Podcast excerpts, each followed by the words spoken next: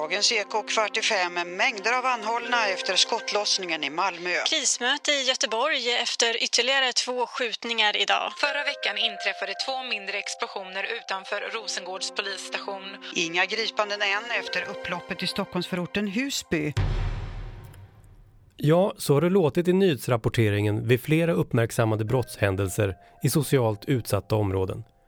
Men hur kan man förebygga lokal brottslighet i den här typen av områden? En nyckel är samverkan mellan polis och andra aktörer. Och att man följer en tydlig arbetsprocess. Hör mer om det och om hur polisen i Göteborg jobbat med förebyggande insatser i vissa stadsdelar. Det här är Snacka om brott, en podd från BRÅ, Brottsförebyggande rådet.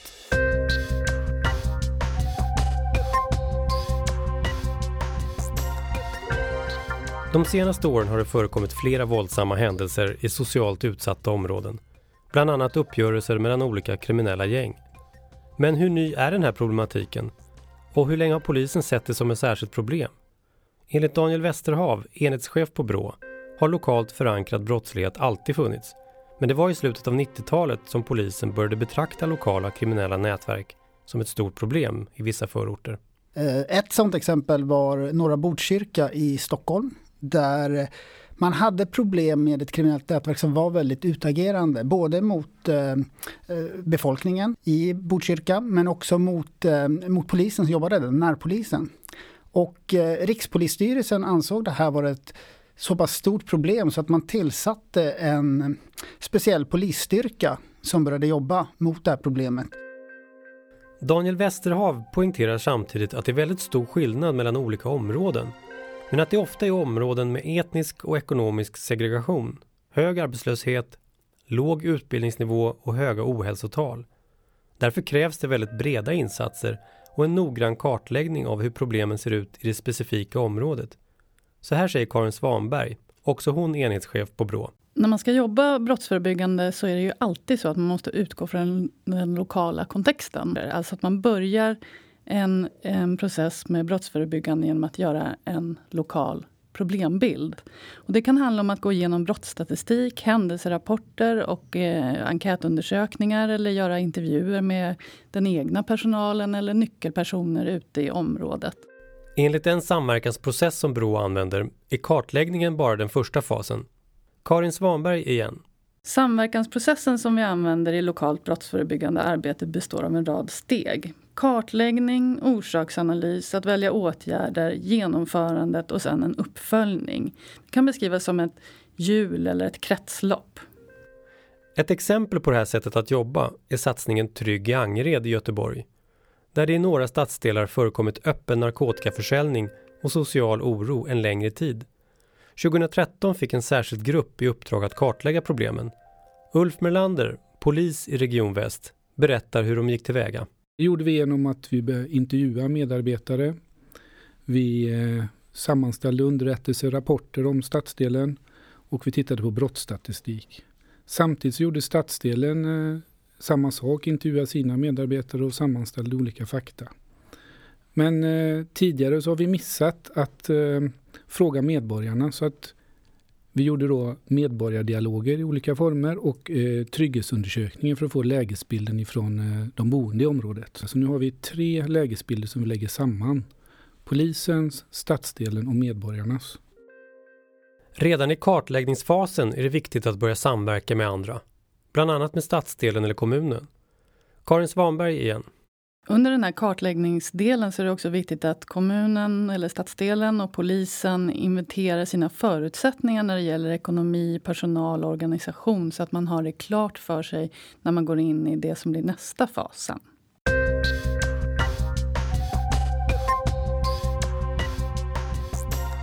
När man väl har kartlagt hur problematiken ser ut i den aktuella stadsdelen är nästa steg att analysera vad som orsakar problemen i just det här området Enligt Karin Svanberg finns det då olika perspektiv att utgå ifrån.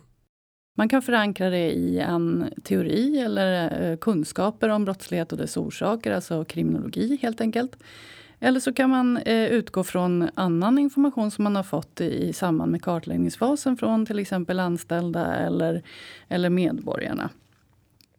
Eh, man kan eh, använda olika hjälpmedel eller titta på om det är saker i den fysiska miljön som orsakar brottsligheten. Om det är som man eh, som så att säga alstrar brottet i, i just den miljön. Hur gjorde man då i Angeredsprojektet? Ja, dels såg man till att involvera fler poliser i orsaksanalysen.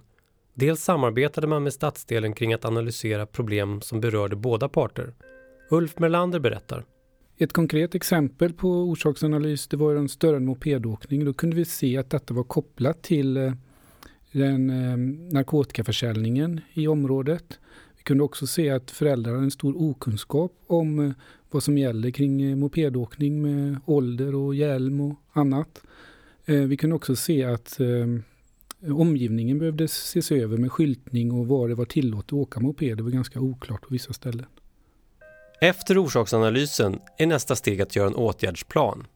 Och enligt Brå är det viktigt att planen är kopplad till en konkretisering av den tidigare framtagna överenskommelsen mellan polis och stadsdelen där man nu tydligt anger gemensamma mål och de olika parternas mål så att det också går att följa upp arbetet. Enligt Daniel Westerhav på Brå är det optimala att utgå från vetenskapligt utvärderade åtgärder. Men det finns än så länge ganska få sådana som vilar på vetenskaplig grund man får helt enkelt titta på tidigare åtgärder som haft en bra effekt. Daniel Westerhav poängterar också att det är viktigt i vilken ordning man gör insatserna. Ett problem är att man ibland kan vilja göra allting på en gång. Det ska gå väldigt fort och man tar fram ett väldigt stort åtgärdspaket och sen går man all in. Men om man ska få bra långsiktiga effekter så måste man nog tänka lite mer steg för steg. Eh, till exempel så är det karaktäristiskt för många av de här socialt utsatta områdena att förtroendet för rättsväsendet är ganska lågt. Det kan vara svårt att också utreda den dolda brottsligheten, till exempel våld inom hemmet och eh, ekonomisk brottslighet och liknande. Och därför är det bra att börja med de åtgärderna som då skjuter in sig på den synliga brottsligheten, eh, de här problemen som invånarna upplever vara ett stort problem, för att sen bygga upp ett eh, större förtroende för rättsväsendet och en bättre dialog mellan medborgarna eh, och kommun och polis och sen kunna jobba mot andra åtgärder. Vad valde man då att göra i Angered när det gäller problemen med narkotikaförsäljningen? Ulf Melander ger några exempel. I Angered valde vi att göra på det här viset att stadsdelen stod för informationen till eh, alla föräldrar som hade barn i årskurs 9. Och eh, vi, polisen stod för de operativa åtgärderna. Och sen följde stadsdelen upp med vård och stöd till de som eh, vi upptäckte vid de olika insatserna mot problemet med öppen narkotikaförsäljning. Ja, återigen är samverkan en nyckel i det förebyggande arbetet. En annan nyckel är långsiktighet. Att inte flytta resurserna någon annanstans så fort de mest synliga problemen minskat i området. Men det är just ofta långsiktigheten som brister, menar Daniel Westerhav. Jag skulle vilja säga att framgångsreceptet för att jobba mot socialt utsatta områden är just långsiktigheten. Att det är helt rätt att gå in och börja mot den synliga brottsligheten, de problem som medborgarna upplever. Men att inte nöja sig med det och flytta till ett annat område när det har lugnat ner sig i området. Utan då utnyttja det förtroende man har byggt upp med medborgarna, den dialog man har för att kunna jobba mot de, de strukturer som inte syns. Som också är väldigt viktiga för att det här området inte ska börja gå tillbaka. Jag vet att polisen tycker gärna att de tar i när de pratar om 3 till 4 år men eh, man kan nästan prata om 10-15 års perspektiv för att eh, vända ett sådant här område. Ja, efter grundjobbet med kartläggning, orsaksanalys och att välja åtgärder är det dags att genomföra åtgärderna. Och en nyckel i den fasen stavas kommunikation. Både internt och externt. Det menar både Karin Svanberg och Ulf Melander. En sak som jag tror är viktig i just de socialt utsatta områdena det är ju att kommunicera sitt arbete utåt hela tiden i en medborgardialog. Att, eh, att, att det finns en medvetenhet i, i, bland, bland befolkningen varför man gör saker och i, i den ordning man gör. Eh, det kanske är extra utmanande just i de här områdena att vara kommunikativ men jag tror att det är värt varenda öre i insats. I Angered valde vi att göra en kommunikationsplan redan i inledningsskedet hjälp med våra kommunikatörer från både staden och polisen. Ett exempel på hur vi har kommunicerat med medborgarna är en medborgardialog vi gjorde i Angered centrum. Där hade vi tryckt upp eh, bilder på alla stadsdelar. Så stod vi tillsammans med stadsdelen eh, i Angered centrum så fick folk komma förbi, sätta en röd plupp där man kände sig otrygg och förklara varför och en grön plupp på kartan där man kände sig trygg och förklara varför.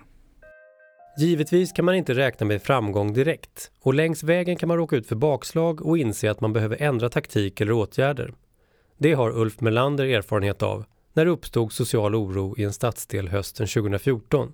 Vi började med att eh, skicka dit poliser i kravallutrustning och det blev en katt och råttalek mellan polis och ungdomar. Sen eh, när inte det bet så försökte vi spana och lagföra ungdomarna och det funkar inte heller så bra. Då fick vi byta taktik igen.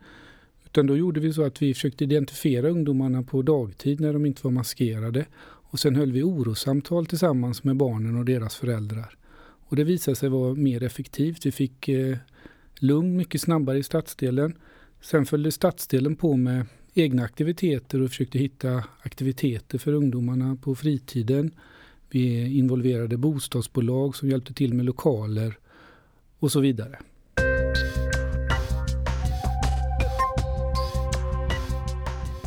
För att se om man både gjort det man planerat och om det gett effekt behöver man förstås följa upp de brottsförebyggande åtgärderna. Här brister det ofta när det gäller att utvärdera resultatet, menar Karin Svanberg. Man kan göra det på olika sätt. Man kan dels gå igenom och, och, kolla om det man har sagt att man ska göra har blivit gjort, alltså en sorts produktionsuppföljning. Eller så kan man titta på om man har gjort de steg i processen som man eh, ska göra eh, och om man har gjort det bra eller inte. Men det absolut viktigaste och det som nästan aldrig blir gjort det är ju en effektutvärdering av det, den insats som man har gjort. Alltså, har den här åtgärden haft effekter på den brottslighet som vi eh, önskade att den skulle ha effekt på? Karin Svanberg påpekar också att det går att få hjälp med utvärderingsfasen, till exempel från universitet och högskolor eller BRÅ. Det går även att söka medel från BRÅ för att utvärdera sina brottsförebyggande insatser. Det har man tagit fasta på i projektet i Göteborg enligt Ulf Melander. Och när det gäller projektet Trygg i Angered då så har vi haft en tidsplan på fem år och vi håller på och försöker följa upp eh, vissa effekter men vi är inte framme ännu där utan vi hoppas att vi får hjälp av forskningen och BRÅ bland annat med den här uppföljningen framöver. Vilka är då de vanligaste misstagen när det gäller brottsförebyggande arbete i socialt utsatta områden? I de utvärderingar som vi har gjort av lokalt brottsförebyggande arbete och när man följer den här samverkansprocessen så har vi sett att det finns en ganska tydlig tendens att hoppa från kartläggning direkt in i genomförandefasen utan att göra en ordentlig analys av problembilden. Det är viktigt att göra den analysen för det är då man hittar de lokala lösningarna på de lokala problemen. Ja, även om man följer de fem faserna till punkt och pricka är arbetet givetvis inte färdigt. Som Karin Svanberg tidigare beskrev samverkansprocessen är den snarare ett hjul eller ett kretslopp som inte blir färdigt och där flera faser ibland kan vara aktuella samtidigt. Så här beskriver Ulf Melander hur hjulet såg ut i Trygg i Angered-projektet. Arbetsprocessen för oss att ta fram en lokal problembild det tog eh, 6-8 månader ungefär. Men vi har också kunnat använda hjulet här i det akuta läget. Vi hade social oro här som jag nämnde tidigare, en stadsdel. Och då fick vi sätta oss ner tillsammans med staden, bostadsbolaget och titta på vilka problem vi hade. Och det var stenkastning mot polis, fönsterkross, bränder. Sen gick vi vidare, vad var, var orsaken till de här problemen? Försökte vi hitta där, hur vi skulle angripa det. Sen satte vi upp mål, sen bestämde vi vilka resurser, metoder vi skulle använda. Sen gjorde vi insatsåtgärder och sen gjorde vi en uppföljning. Och detta tog cirka 30 minuter att göra med, med de här samarbetspartnerna, gå igenom hjulet för att komma igång och arbeta mot problemet.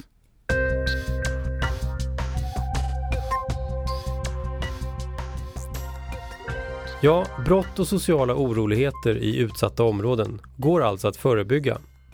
Men för att lyckas gäller det att jobba steg för steg, utan genvägar där långsiktighet och samverkan mellan kommun, polis och andra aktörer är några avgörande framgångsfaktorer. Vill du läsa mer? Ladda hem handboken Samverkan i lokalt brottsförebyggande arbete från BRÅs hemsida. Den kommer snart i en ny version. Du hörde Daniel Westerhav och Karin Svanberg, enhetschefer på BRÅ, Ulf Merlander, polis i Region Väst och delaktig i projektet Trygg i Angered. Och jag, jag heter Johannes Rosenberg. Dela gärna podden i sociala medier. Snacka om brott produceras av Copyfabriken. Tills vi hörs igen, ha det så bra!